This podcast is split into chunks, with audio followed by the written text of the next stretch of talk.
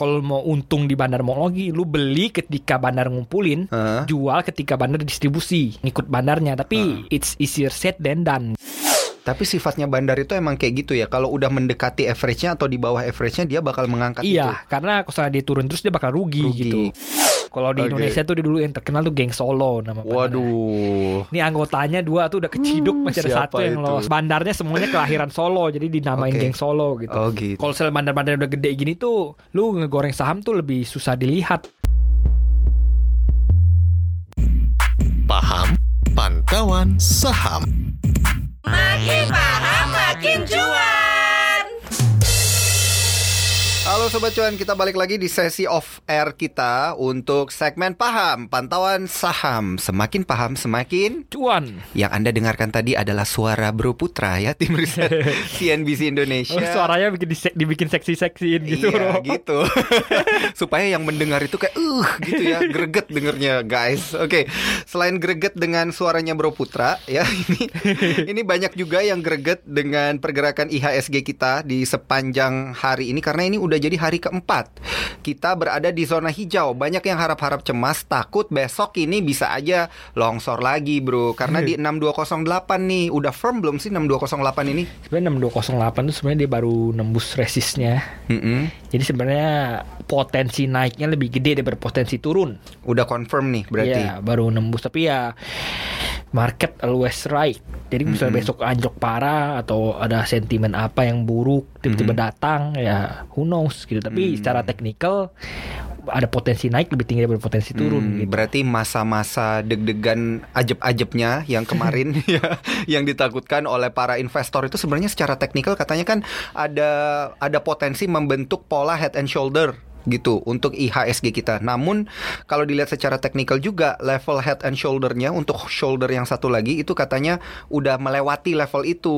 Berarti bahu yang satunya udah lebih tinggi daripada bahu yang sebelumnya. Ini berarti benar nggak nih Ya, menurut lo? nih? sebenarnya ini memang seperti gue bilang itu tuh s- kemarin sebenarnya masa penentuannya kemarin tuh berhasil ditutup dekat dengan resistennya dan hari ini berhasil di break Break gitu. resisten Iya, itu. dan Mm-mm. cukup kuat juga hari ini ya Mm-mm. hampir satu persen kan gitu Iya, Jadi iya. ya potensi naiknya lebih tinggi deh Tapi lebih- nilai lebih- transaksinya cuma 15 triliun bro, gimana tuh? Ya salah satunya yang yang harus diperhatikan emang ap- apa benar nilai transaksi Mm-mm. tinggi gitu. Misalnya Mm-mm. break tapi misalnya misalnya ada saham break ini tapi resis apa frekuensi apa volumenya kecil gitu. Tapi ya harus hati-hati gitu tuh. Tapi Mm-mm.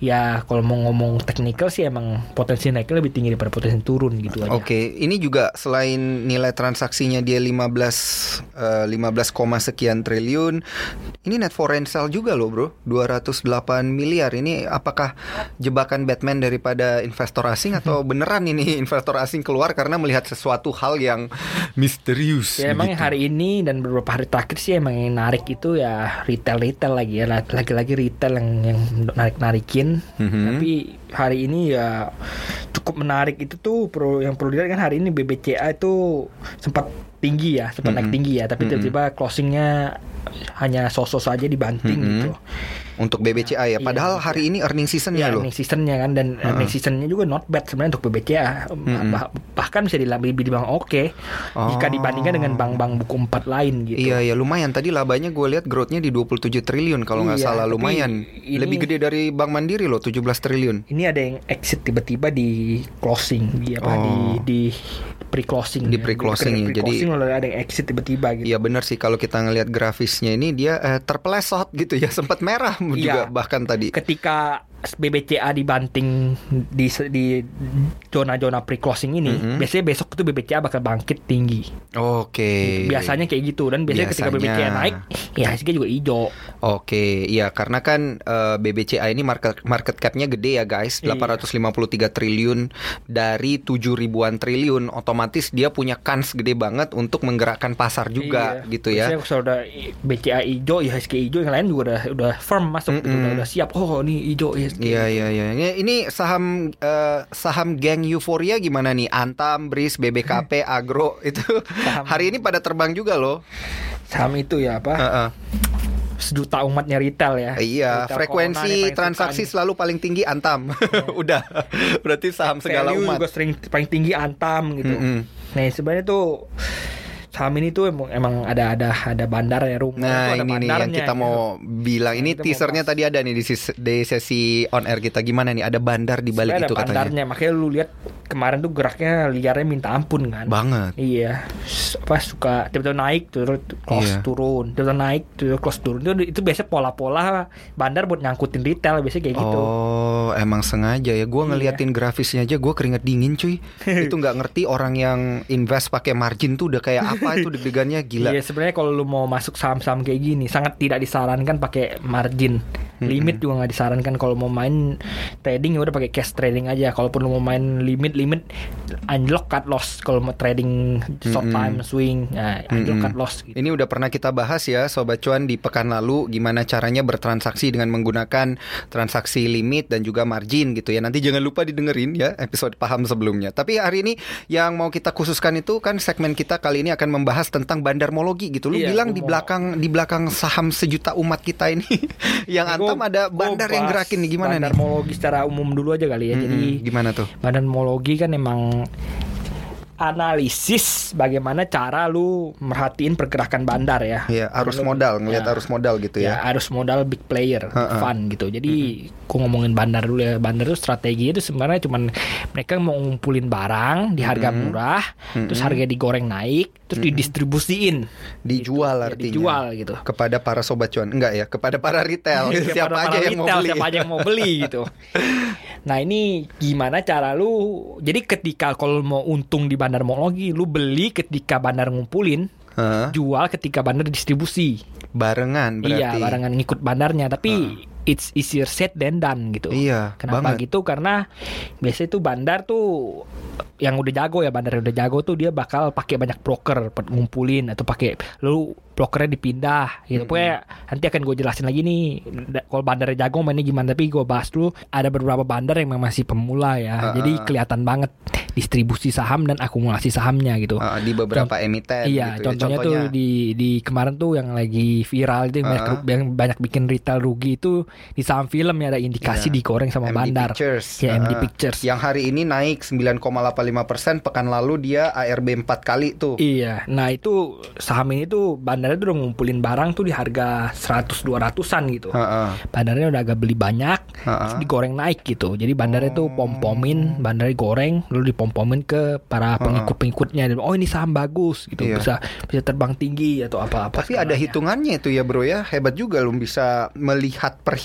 itu Kayak primbon gitu melihat Enggak, di itu Hitungan- tuh kelihatan Ha, kelihatan kelihatan. dan di broker broker summary-nya. Oh gitu. Jadi jadi Sobat Cuan bisa lihat di broker Ini bandar aja emang ya. emang keli, emang sering sering pakai account Mirai Aset dan Ha-ha. ajaib gitu. Jadi Oh. kelihatan ketika diakumulasi di broker YP dan XC, Mirai dan ajaib gitu. Oke. Oh, nah, setelah gitu. terbangin berhari-hari tuh sahamnya setelah di atas dia distribusi distribusi dianjlokin kan. Heeh. Ketika ARB, distribusi ARB ARB, itu. ARB, nah itu empat empat hari, AR lima hari ARB malah, Ha-ha. kan? Tapi di hari kelima itu tuh, di hari keempat itu kelihatan bandarnya buyback, Oke gitu. Jadi bandarnya udah mulai akumulasi lagi. Kenapa? Karena kalau saham ARB dia nggak bisa jualan. Iya Dan lu bisa lihat itu tuh saham-sahamnya tuh nggak barang-barangnya itu masih belum didistribusi habis. Oh berarti lu lu melihat sepertinya si bandar-bandar ini dia itu mengakumulasi jumlahnya banyak banget tapi Iya. waktu dia waktu dia distribusi itu sedikit sedikit masih ada sisanya lah iya, ya. dan ini lu bisa lihat di broker summary gitu. broker summary oke dan broker oke, summary oke. dan di Escuders tuh ada lu bisa cek tang pertanggalnya gitu dan Mm-mm. lu harus perhatiin juga kalau misalnya dia belum distribusi semua tapi dia jual untung kan juga bisa Mm-mm. karena dia kan beli di harga bawah jual di harga atas bisa aja Iya. dia cuma jual 30 40 50 persen dia udah untung gitu dia udah nggak punya kepentingan buat goreng saham ini lagi nggak haruslah dia jual semuanya Iya, yang penting nah, udah untung Tapi yang kemarin gue lihat gue hitung itu tuh ternyata emang bandarnya masih rugi gitu. Oh. Jadi mau nggak mau bandarnya harus ngangkat sekali lagi nih saham. Kalau nggak dia Oke, bakal oke. rugi gitu. Oke. Jadi Berarti ini angkatan pertama nih kayaknya nih. Hari ini hari pertama hijau nih tanggal 8 Enggak ini ini yang digoreng pertama itu gitu. Ah, jadi digoreng oh, oke. pertama dimerahin me- dimerahin. Jadi ini wave pertama. Oh, wave gua gua pertama. gua ya gua apa gua lihat nih ada kemungkinan dinaikin lagi gitu. Oh, oke. Jadi emang benar ternyata di Hari ini. di hari kelima ARW enggak kemarin. Kemarin. Yang wave pertama ini kan udah wave kedua ini. Oh, di tanggal 27 28 29 Januari iya, berarti. 27, 26 27 itu. 27 itu din- dinaikin dinaikin. gitu. Eh, itu naiknya di tanggal 27 tuh 8,45 persen. Iya, itu kalau dibuka di ARB. Oh, Gitu. gitu. Jadi kalau selalu emang ngikutin ilmu bandarmologi, lu perhatiin gerak bandar ini, lu tahu dia harus angkat lagi, lu masuk lu udah untung gede gitu. Iya, iya, iya, karena bakal diangkat nih sama Nah, bandarnya jadi ini gitu gue ya. ngomong apa ha- kemampuan ilmu bandarmologi itu seperti apa gitu. ada hitungannya Iya, ada ternyata hitungannya. ya karena ada orang yang nggak tahu ngebedain bandarmologi dan feelingmologi gitu. Jadi Kalau- dia cuma ngira-ngira aja nih perhitungannya terus cap cip cup beli gitu. Nah, jadi nggak gitu. Kalau misalnya lu mau mau tahu, lu harus lihat akumulasi bandarnya akumulasi di berapa, Hmm. udah distribusi berapa, dia masih punya kepeni- kepentingan buat ngangkat ini saham nggak? Hmm, Gitu. Oke oke oke. Masih punya barang berapa? Ada kepentingan nggak buat Iya, ngangkat saham secara gitu? hitungan dia masih Iya, rugi nggak? Masih rugi gitu ya. nggak gitu. Dulu itu saham yang baru IPO itu tuh yang langsung di ARB-in tuh ada namanya saham yang jual rajeng rajungan ya apa Buset, baru kepentingan baru itu tuh. IPO ARB Iya, jarang banget iya, kejadian jarang itu. makanya ini ada a- apa ya namanya? Dulu 25% lagi. Kan kalau dia ARB atau 35% tergantung fraksi harga kan? Iya, dulu itu malah bisa 70% ARB-nya. Wow. Oh, setelah dinaikin ARA tiba-tiba dia ARB Nah. Enggak, gitu ya. maksud gua dulu itu aturan bursa itu memperbolehkan hari pertama IPO buat turun dua kali lipat dari harga arah. Wah, Jadi dulu makanya bisa arah 20 70%, ARB juga bisa 70% gitu. Oh, dan ini yang kejadian adalah pasar lebih mengamini ARB-nya 70% jadinya ya. Ya makanya ini Udah listing sekarang tuh, Bro? seka- masih belum dia listing sekarang kalau nggak salah udah gocap gua tunggu cek dulu ya. Uh, uh, uh. Nah ini menarik nih, ini baru pertama kali terjadi ya. Tapi jangan lupa Sobat Cuan yang kita bahas hari ini adalah bagaimana tentang bandarmologi yang kita bandingkan sedikit ya dengan feelingmologi gitu ya. Jadi ada uh, perbedaannya tipis di mana kalau bandarmologi itu ternyata banyak hitungannya. Kalau Saham Enzo, nama saham Enzo. apa. Enzo. Iya Enzo, ini baru baru waktu itu baru melantai itu langsung di air langsung dibanting. Enzo itu adalah perusahaan PT Morenzo Abadi Iya dia Perkasa. jual di bidang apa, apa, sih, seafood seafood gitu rajungan nggak salah gua namanya yang, Oh. kepiting-kepiting kecil gitu nggak salah. Oke oke, wah harganya gocap nih sekarang nih bro. Nah ini tuh di dibuka tuh langsung arah tapi langsung dibanting. Heeh. Gitu. Waktu dulu dia dibukanya arah. Nah, tapi pokoknya, pokoknya distribusinya sesegera mungkin gitu. Oh. Nah dari dari hari pertama distribusi lu lu bisa hitung Heeh. dia udah jual berapa barang sih gitu. Iya. Retail tuh udah beli berapa gitu. Oke. Dan memang banyak yang hitung dan ketika hari apa udah ketahuan ternyata rata-rata bandar di harga berapa kan dia kan dia kan belinya di harga IPO kan. Lalu Iya. dia udah udah lu udah lu udah tahu dia dia jualan berapa di harga berapa di hari pertama kan sahamnya di ARB ARB terus kan. Mm-mm. Lu hitung tuh ternyata bener bener apa average dia tuh ada di harga berapa gitu. Nah, ternyata bener di harga itu tuh harganya rebound. Oke. Sahamnya rebound ini dulu bisa lihat ini tanggal 28 bulan 9 ini tuh akhirnya rebound. Heeh. Kalau waktu itu lu, lu Tanggal hitung 28 bulan 9. iya tahun lalu. Untuk Enzo. Ya Enzo. Oke. Dan bener ha- sahamnya rebound gitu karena emang udah kena ke average-nya bandarnya. Jadi bandarnya mau nggak mau dia harus ngangkat gitu. Iya iya iya. Kalau iya, iya, diturun terus dia nggak bisa distribusi malah rugi. Heeh, heeh. Nah jadi ya ini akhirnya misalnya lu emang due diligence pakai bandarmologi, lu hitung average bandar, ini kan kelihatan banget nih average bandar di berapa, distribusi udah berapa gitu. Hmm, tapi sifatnya bandar itu emang kayak gitu ya. Kalau udah mendekati average-nya atau di bawah average-nya dia bakal mengangkat itu. Iya, karena kalau dia turun terus dia bakal rugi, Rugi gitu. gitu. ya. Berarti Jadi- dari sini gua tahu ada bandar juga yang bisa rugi gitu ya. Iya. Nah. Ya, ya tapi mereka tentunya nggak mau rugi, jadi mereka terpaksa ngangkat lagi gitu. nah, Oh, ini oke. jadinya makanya lu perlu perlu hitung sendiri juga jangan lu sembarangan bilang, "Oh, ini bandarnya eh, bandarnya distribusi, nanti bakal diangkat suatu hari ya." Nggak harus kalau misalnya dia average-nya udah nol gitu Hmm. kan bisa aja Ya, dia misalnya- bisa aja bilang bodoh amat Nggak gitu ya kan. misalnya lu punya bandar beli saham di harga 100 Heeh. cuman misalnya belinya 10 lot lah biar gampang Iya. hitungnya terus harganya diangkat ke 1000 Heeh. itu udah naik 10 kali dia cuma Iya. jual satu barang aja udah balik modal Udah balik modal iya udah heeh. kalau- kalau misalnya dia jual dua barang nanti dia udah untung Heeh. dia punya masih punya 8 barang dia mau banting ke bawah juga nggak rugi lagi iya, gitu Iya iya iya. jadi lu harus pantau lagi apa bener bandarnya masih average-nya masih rugi atau Hmm. apa- apakah bandarnya udah untung gitu misalnya lu lawan bandar-bandar yang pemula-pemula gitu Hmm. gampang banget hitungnya gitu karena dia biasanya cuma pakai satu atau dua sekuritas buat ngegoreng Berarti di setiap saham itu posisi daripada bandarnya juga akan beda-beda dan di satu saham itu bisa punya lebih dari satu bandar gitu.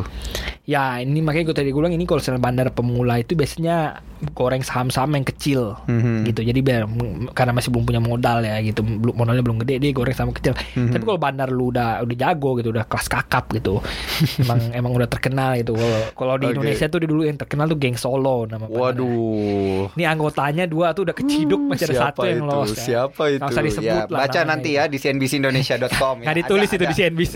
Oh, oh nggak ditulis Nggak ya? ditulis lah oh, itu. iya, iya. Nanti telepon Putra aja kalau gitu. Ini ba- bandarnya semuanya kelahiran Solo, jadi dinamain Oke. geng Solo gitu. Oh gitu. Nah kalau misalnya bandar-bandar udah gede gini tuh, lu ngegoreng saham tuh lebih susah dilihat, Iya, karena iya, mereka iya, pakai iya. banyak sekuritas, Oke. gitu. Jadi misalnya bisa aja kayak ini dia beli pakai saham, eh dia pakai beli pakai sekuritas A, kan? Lalu dia Jualnya. dia dia pindahin ke Sekuritas nggak, yang mana nggak ada yang tahu. Ya dia gitu tuh bisa sa bandar itu bisa pindahin saham lewat pasar belakang namanya backdoor. Dia Iya, cuma iya, butuh iya. bayar dua puluh sembilan ribu, sahamnya pindah gitu, kayak lu transfer Buset. uang gitu. Iya iya iya. iya. Jadi misalnya dia beli pakai sekuritas A, dia mau jualan di sekuritas B, C, D, E, nggak kelihatan. Iya, Kelihatannya nanti ada akumulasi. Oh, bandarnya akumulasi. Padahal nggak, padahal barangnya udah Mindah- dijualin mindahin barang doang, Ya, dia, dia- iya. dia pindahin barang di Uh-uh. lewat, lewat belakang gitu. lewat Jumlahnya ya segitu-segitu Iya, aja. iya, iya. Ya padahal dia ada distribusi tapi kelihatannya dia ada akumulasi gitu. Iya, Misalnya iya, badannya iya. jago, dia mainnya kayak gitu jadi lebih susah dideteksi gitu. Iya iya. Nah kalau gue sendiri kalau gue mau deteksi ada bandar, makanya gue nggak pernah lihat, gue nggak pernah fokuskan apakah bandarnya beli atau apakah bandarnya jual. Mhm. Gue biasa fokuskannya retailnya aja gitu. Hmm, karena Apakah- emang selalu versus tuh ya bandar iya, versus retail bandar gitu. versus retail. Jadi biasanya Ah. misalnya bandar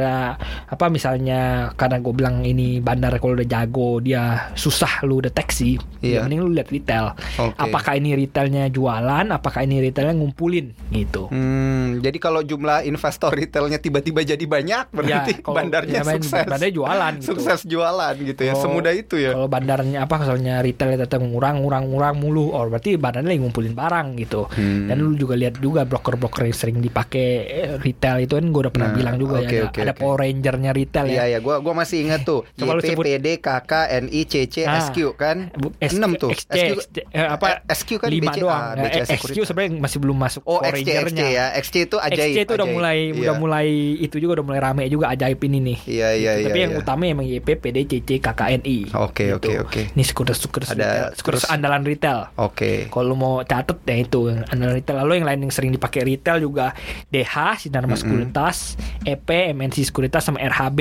RHB Sekuritas itu DR kalau nggak salah kodenya ya DR. Hmm. Oke, oke, oke. Itu juga sering dipakai oleh retail. Jadi yang lu per- yang lu kalau lu mau mantau pergerakan bandar lu pantau aja itu.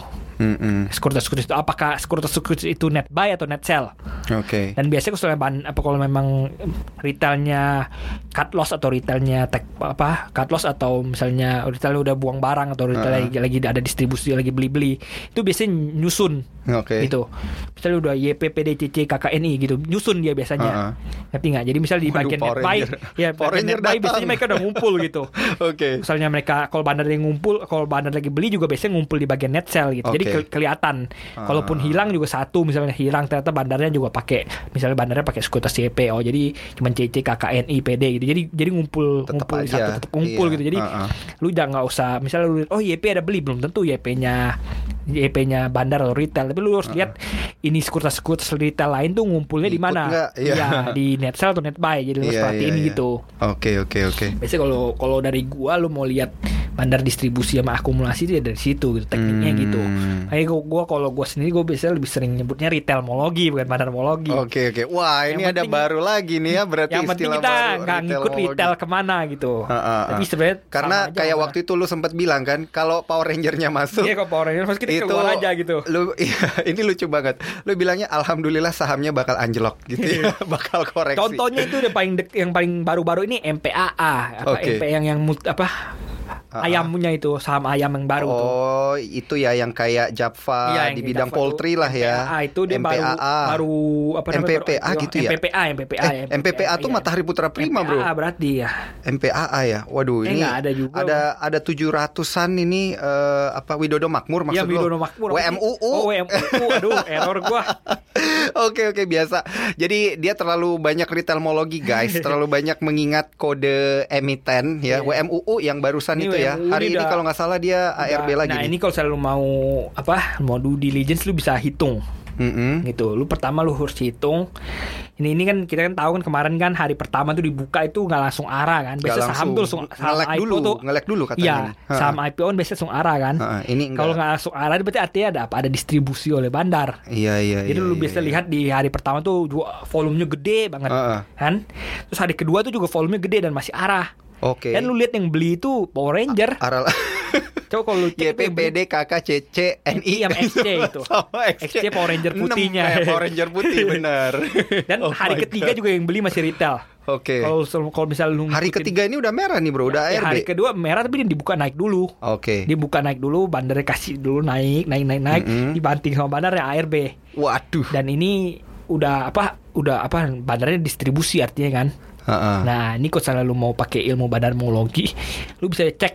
Heeh. Pertama lu cek itu berarti average bandar pas belinya berapa, Ya. kan? Berarti kan lu harga IPO kan itu. Heeh. Barangnya berapa gitu. Oke. Biasanya itu lu kaliin 99% karena satu persen itu biasanya di harus dikasih ke pasar harus harus dikasih ke fix apa kok harus kasih ke pooling gitu. Heeh. Jadi biasanya 90 persennya Ya, kan. di pasar primer tapi kan Iya, tetap iya. satu persennya untuk pasar pooling, Iya, 99% persen untuk, big fix, playersnya. ya, untuk, Heeh. untuk bandarnya. Nah, lu Heeh. hitung average dia berapa dan dia udah distribusiin berapa selama tiga hari ini dia udah distribusiin bisa berapa. Mm-mm. Lu nanti dapat average-nya kalau memang udah di kalau memang udah untung, ya artinya dia nggak punya ke nggak punya itu lagi, nggak punya ke apa namanya, nggak nggak perlu angkat lagi kan dia udah Iya, untung iya, gitu. iya. Nggak ada Bisa aja dibiarin angkat, aja bisa gitu dibayar- ya. dibiarin.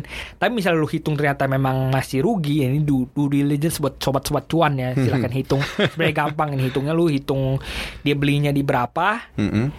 berapa barang, itu Aha. berarti hitung modal kan? Iya. Sama lu hitung dia udah jual berapa dan di berapa. Gitu. Oke. Ini kan ada tiga hari dia waktu buat jualan ini ada Mm-mm. volumenya juga gede-gede tiga hari kan lu lihat aja bandarnya itu biasanya orang yang non retail lah lu hitung Mhm. yang non retail tuh udah jualan berapa lu kaliin sama harga penjualannya jadi lu Hmm. modal lu kurangin sama harga jualan dia kan Hmm. terus lu bagiin sisa lotnya Barulah kita tahu dia pegangnya di Ya, average berapa. Ya, sekarang lu tahu average baru bandar gitu. Heeh. Bukan average lama, average lamanya Average kan baru, heeh. di harga IPO. Nah, Iya. lu harus tahu lu kalau udah tahu average baru bandar, lu bisa prediksiin kira-kira bandar bakal ngangkat lagi di sekitar di harga, harga ini. berapa? Iya, gitu. Apakah dia udah untung atau rugi Iya, apakah dia gitu? masih untung atau misalnya kalau di ARB terus kan dia nggak bisa jualan, bisa aja apa rugi dong dia gitu. Oke, misalnya oke, memang oke, average-nya oke. masih rendah gitu. Mm-mm. Nah bandarnya ini berarti bisa beberapa orang dong ya, tergantung nih dari sekuritasnya kali ya. Kita ngeliat. Kalau kalau biasanya saham IPO itu bandarnya cuma satu orang. Kalau Oke, saham yang oke. udah lama melantai itu bisa aja bandarnya lebih dari satu Berarti orang. kita lalu lihat bandarnya ya. perang-perangan gitu.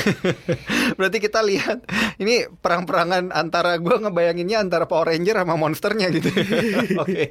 Jadi eh, kalau kita lihat nih secara keseluruhan antara si bandar besar ini kan, lu bilang kan bandar besarnya biasa cuma satu gitu. Tapi kalau tiba-tiba eh, bandar besarnya ini ngoper-ngoper barang itu bisa aja nggak kedeteksi gitu atau gimana cara mendeteksinya? Nah ini kalau misalnya saham yang sering dioper-oper bandar itu sebenarnya bukan bandarnya mau distribusi, biasanya Hmm. bandarnya cuma mau bikin volume. Oh, mengecoh aja gitu ya ya. biasanya mereka bandar, bandar bikin volume tuh ada banyak kepentingan. Bisa aja satu disuruh emitennya, emitennya pengen sahamnya punya banyak volume. Oke. Atau misalnya emitennya ngutang, lalu syarat utangnya volume lu harus tebel. Heeh. Atau sahamnya direpoin, syarat dari pembeli reponya sahamnya harus punya banyak volume. Atau atau lu jual sahamnya ke lu suruh reksadana beli, reksadananya ngasih syarat oh volumenya harus segini gitu. Jadi macam-macam. Kalau misalnya bandar bikin volume itu ada alasannya gitu. Oke, oke. Tapi ya kalau misalnya lu mau lihat mau lihat saham dinaiki bakal naik atau turun ya sebenarnya lu lihat aja pergerakan bandarnya lagi Hmm. Oke. akumulasi atau distribusi gitu. Terus Cara satu lagi cara taunya adalah dengan bilang, average-nya. ya, enggak, Heeh. cara taunya dilihat dari retailnya, Oh. apakah retailnya beli, apakah retailnya Oh jual ya, oke gitu. oke oke. Satu lagi tuh barang yang diakumulasi bandar belum tentu digoreng naik. Ini Oke. juga penting dicatat ini. Mm-mm. Kenapa? Karena kita nggak tahu alasan bandar akumulasi apakah emang mau digoreng, bisa aja didiemin bertahun-tahun gitu, nggak ada kepentingan. Baru Iya. nanti di tiba-tiba. Iya, tiba-tiba dinaikin gitu. Iya. Jadi misalnya mak- misalnya lu ngikutin bandar apa misal banyak banyak banget ban- barang saham yang bandar barangnya di bandar semua, tapi sahamnya harganya nggak gerak Hmm. gitu. Makanya lu harus lihat apakah bandarnya punya kepentingan buat gerakin saham itu atau enggak Mm-mm. gitu. Caranya adalah telepon bandarnya gitu. Halo bang, mau naikin gak bang? Gitu. Ya, contohnya tuh misalnya apa bisa ada banyak sentimen positif di sekitar emiten nah itu Iya, jadi iya, kesempatan bandar buat goreng saham kan misalnya kayak misalnya contoh lah KF Inaf dan kawan-kawannya itu kan Mm-mm. lagi hot-hotnya kemarin Iya. kan ya udah bandar cari kesempatan dalam kesempitan ya berarti goreng itu saham gitu Oke oke. Akhirnya gerak juga tuh tadi gue lihat KF sama Inaf gitu ya, Ya, walaupun udah geraknya mulai- merah. Ya udahlah ya. Tapi at least nggak ARB lagi. lu, bro. Tapi at least dia gerak nggak begitu buka langsung ARB gitu kan. Aduh, bukan dead cat bounce lagi namanya kalau kayak gitu ya. Gravestone dojinya banyak banget kalau lihat teknikalnya. iya kalau misalnya sebenarnya kalau misalnya dibuka ARB udah bukan Gravestone Doji biasanya udah for for price doji For price ya. doji garis gitu ya. garis doang gitu. Biasanya terja- terbentuk Gravestone juga Oke. sebenarnya gara-gara ngelek atau apa.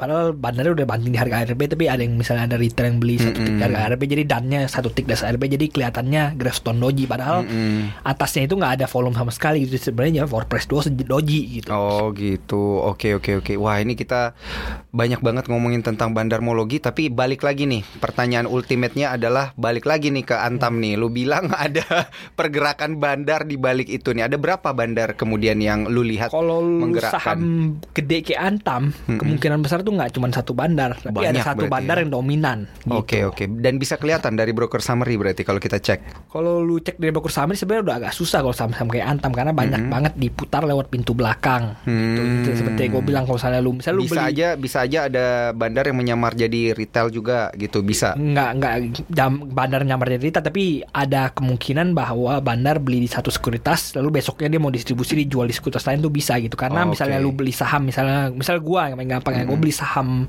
Antam kan Mm-mm. di broker Mirai Sekuritas Mm-mm. gue tuh bisa telepon Mirai eh pindahin dong mm, ini apa saham gue di Mirai Sekuritas pindahin ke Mandiri Sekuritas dong Mm-mm. nah ini si broker bakal pindahin dengan biaya 29.000 ribu saja dipindahin semua saham gua Seolah-olah ada transaksi itu. Enggak, enggak ada, enggak ada transaksi ini enggak enggak ke- enggak kecatat doang. gitu ya. Enggak Oh. kecatat di market gitu. Iya iya iya. Jadi Kecatatnya di mana? Enggak ada enggak di kecatat di mana-mana dengan Oke. syarat namanya sama di broker Mandiri dan YP gua Oke. gitu. Kalau namanya sama lu udah tinggal telepon broker Berarti lu kalau pindahin. barangnya barangnya udah kepindah, terus tiba-tiba dia mau jual dari sekuritas yang ini, maka penjualan akan tercatat dari sekuritas yang itu. nah makanya ini susah nih mendeteksinya. bandar buat bikin lu pusing ya kayak gitu. Dia beli di satu sekuritas, dipindahin lewat pasar belak pintu belakang namanya sebutannya kalau orang market pindah lewat pintu belakang, dijual lewat sekuritas baru gitu. Oh. Jadi kelihatannya wah ini misalnya si ada dia brok dia, dia selalu beli biasanya pakai broker A. Oh broker A ngumpulin mulu kelihatannya emang ada akumulasi tapi sebenarnya Enggak. dipindah lewat pintu belakang. Oh gitu. Nah jadinya eh, kepentingan apa yang lu lihat ini? Kan katanya bandar biasa menggerakkan ada karena ada kepentingan nih. Dari yang lu baca nih, Ya sebenarnya kalau misalnya dilihat dari kalau lu misalnya lihat dari sekarang ya kan Iya. masih kayak kalau misalnya ini misal KF Inaf lah sebutnya ini baru baru di, belum belum belum distribusi belum Jokowi belum disuntikin gitu. oh oke. Ngerti nggak? Jadi Yang kemarin ini iya, maksudnya. kalau ketika kalau kemarin kan udah bandar KF Inaf itu kan distribusi gede-gedenya kan waktu Jokowi disuntikin Yang kan. pertama kali. Iya. Ah. Kalau Antam ini Jokowinya masih belum disuntikin gitu. Oh, seolah-olah, seolah-olah. gitu. Jadi masih Ah. belum pen ultimate gitu. Oh belum. Uh, Kalau jadi dari- kesempatan mengakumulasi masih sangat besar iya, sobat satu cuan. gue bilang ketika lu kumpulin Antam dan misal lu kumpulin saham-saham kayak Antam, lu kan belinya dari bandar misalnya kan. Iya. Nah, bandarnya gue kumpulin dari bawah. Hmm. Ketika bandar ah, banyak retail, makin banyak retail yang tertarik beli dari bandar, lalu bandar barangnya udah nggak ada, atau tinggal, dikit, atau Wah, misalnya udah bahaya. untung, Heeh. ya ngapain lagi dia naikin gitu. Iya iya iya iya. Udah nggak ada kepentingan untuk naikin Iya, udah berarti satu-satunya arah selanjutnya adalah Ya, anjlok. turun ke bawah gitu ya. Kembali ke harga wajar gitu Iya. nanti. Waduh, nanti amit-amit tuh kayak emiten yang dari dari itu kembali ke itu gitu. Ada tuh ya beredar di pasar kata-kata jargon-jargon Ya, makanya seperti gue itu. selalu dari awal bilang kalau saham dibandarin tuh mending kalau lu nggak usah ikut dah gitu. Iya, iya, Cari iya, yang iya. wajar-wajar aja ya, gitu. kan semua Selalu saham bilang, katanya dibandarin, kalau Bro. ya nggak semua orang. juga ada banyak Oh. saham yang ditinggal bandarnya kok. Nah, itu lebih ngeri lagi tuh kan. Berarti lebih- rata tuh ya 50 terus ya itu harganya. Enggak, enggak 50 juga misalnya ada misalnya lu kayak ngomong saham-saham blue chip kan walaupun bandar asing kan asing selalu ada alasan buat buy or sell gitu. Oh, Dia nggak boleh beli oh gara-gara oke. kamu goreng harga nggak boleh gitu. Biasanya Iya, iya, iya. biasanya Lebih logis asing, lah. Ya lebih Ah. logis gitu. Jadi kalau mau mau yang pasti-pasti aja ya lu investasi blue chip jangan blue chip, main saham ya. gorengan gitu. Hmm. karena yang gorengan ini ya risikonya juga Ya, gitu, lu- kolesterolnya juga ya. kayak gitu ya. kan ada sebutannya bandarnya selalu menang jadi Mm-mm, house always win. happen ya mereka House always win mereka gitu dulu ya. gitu kayak Iya, misalnya iya. lu judi di kasino gitu ya udah mereka kan udah untung dari secara statistik udah pasti untung gitu Iya iya iya iya. ya kalau misalnya lu untung ya sebenarnya lu ngambilnya bukan dari si bandar lu ngambil dari retail lain gitu Mm-mm. Tapi kan uh, the best part of indeks harga saham gabungan kita kan ini bukan tempat judi ya. Ini Bukan adalah judi, tempat investasi Ini tempatnya untuk investasi sehingga apabila sobat cuan ini sudah melakukan PR-nya ya ada analisa teknikal, fundamental, ada bandarmologi, eh, Putra pegangnya retailmologi, terus beberapa sobat cuan juga pegangnya feelingmologi. Nah, itu udah deh lakukan lima jenis analisa tersebut ya itu PR-nya supaya otomatis ya probabilitas sobat cuan ini mendapatkan cuan yang banyak itu juga semakin besar. Dan waktu kita sayangnya udah habis nih sobat cuan, tapi gua pengen promo seperti biasa ya, promo kelas cuan kita yang ada di tanggal 10 Februari 2021 nanti di hari Rabu. Ini sudah Hamin 2 ya, yang daftar juga udah eh, 4 ribuan. Ini udah menuju ke 5 ribu lagi karena kita akan kasih ilmu yang banyak banget tentang gimana caranya investasi saham ya dari dasar banget karena ini baru yang pertama kali bareng gua, bareng Triputra dan juga ada nanti Maria Katarina dan otomatis kita akan membagi-bagi modal cuan ya buat 28 peserta yang beruntung. Jadi daftar dari sekarang, tapi kalau sobat cuan masih belum dapat tiketnya sabar aja ya karena emang yang daftar banyak, pasti kita kirimin satu-satu. Nih adminnya udah nulis ya, udah bukan nulis pakai dua tangan lagi udah pakai kaki ya nulisnya supaya bisa ngirim voucher dan tiket untuk kelas cuan kita di hari Rabu ya. Demikian juga untuk segmen kita paham pantauan saham seperti biasa. Semakin paham semakin cuan bareng gua dan Triputra. Sampai jumpa di episode paham selanjutnya di hari Senin di minggu depan. Bye. bye bye